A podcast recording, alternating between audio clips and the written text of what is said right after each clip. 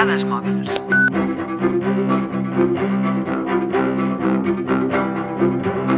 Tom Hanks, a la pel·lícula La Terminal, interpretava un personatge que va viure durant un bon temps, 18 anys, a l'aeroport JFK de Nova York. Aquesta història està parcialment basada en una de real, i no es tracta d'un cas únic.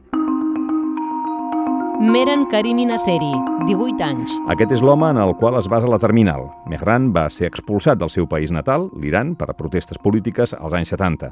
Va donar toms per Europa fins que Bèlgica el va acollir com a refugiat. Un dia, just abans de volar cap a Londres, va perdre tota la documentació i va ser tornat al Charles de Gaulle, on havia fet escala. Regne Unit no el podia acceptar, França tampoc, havia perdut la condició de refugiat al sortir de Bèlgica i d'Iran ni en parlem. El final no és com el de la pel·lícula, va acabar hospitalitzat i en un alberg per gent sense sostre 18 anys després. Parameswaran, 4 mesos. Originari de Sri Lanka, Parameswaran va entrar a Caracas des de Brasil i sense visat. Com que el seu país no té ambaixada a Venezuela, no es podia resoldre el seu problema. El seu nom va transcendir perquè uns músics argentins van pujar un vídeo a YouTube explicant la seva història. Al final va desaparèixer misteriosament. Edward Snowden, 39 dies. És clar, després de l'escàndol Wikileaks, Snowden va fugir a Hong Kong. Acabava de destapar informació crítica de la NSA, l'Agència Nacional de Seguretat dels Estats Units.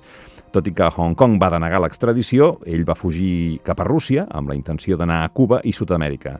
Però quan era a Sheremetyevo li van revocar el passaport, deixant-lo allà més d'un mes. Gary Austin, 25 dies. L'aeroport de Manila està considerat com el pitjor aeroport del món. Gary Austin, un britànic de 52 anys, va perdre el seu vol de retorn a casa i no podia pagar-ne un altre.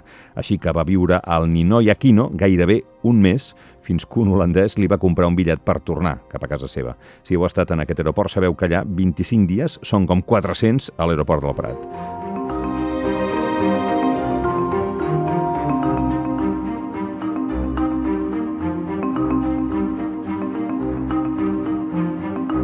Dades mòbils.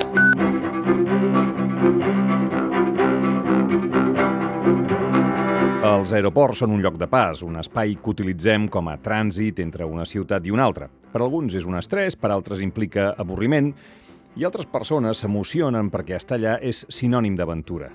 Hi ha una quarta opció i és la de que sigui el teu sostre. Feng Zhenhu, 3 mesos. Qualsevol que hagi intentat viatjar a la Xina sap els maldecaps que de vegades resulta demanar per visats o permisos. Zhengu va viatjar a Tòquio per rebre un tractament mèdic i al tornar al seu propi país li va denegar l'entrada fins a quatre vegades.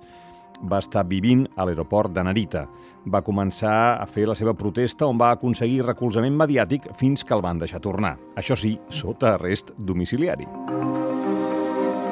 Mohamed Al-Baix, 5 mesos. refugiat palestí nascut a Iraq i amb visat temporal a Kazakhstan.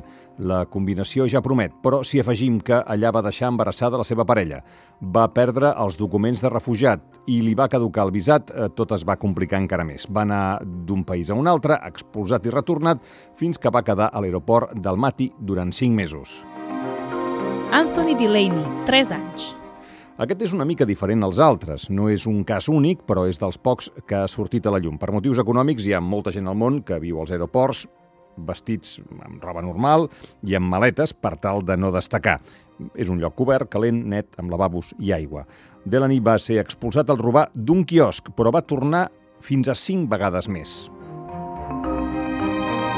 Hiroshi Nohara, 4 mesos. Tot i no tenir problemes de visats ni de diners per pagar-se un hotel, aquest japonès es va quedar a viure al Benito Juárez, ciutat de Mèxic.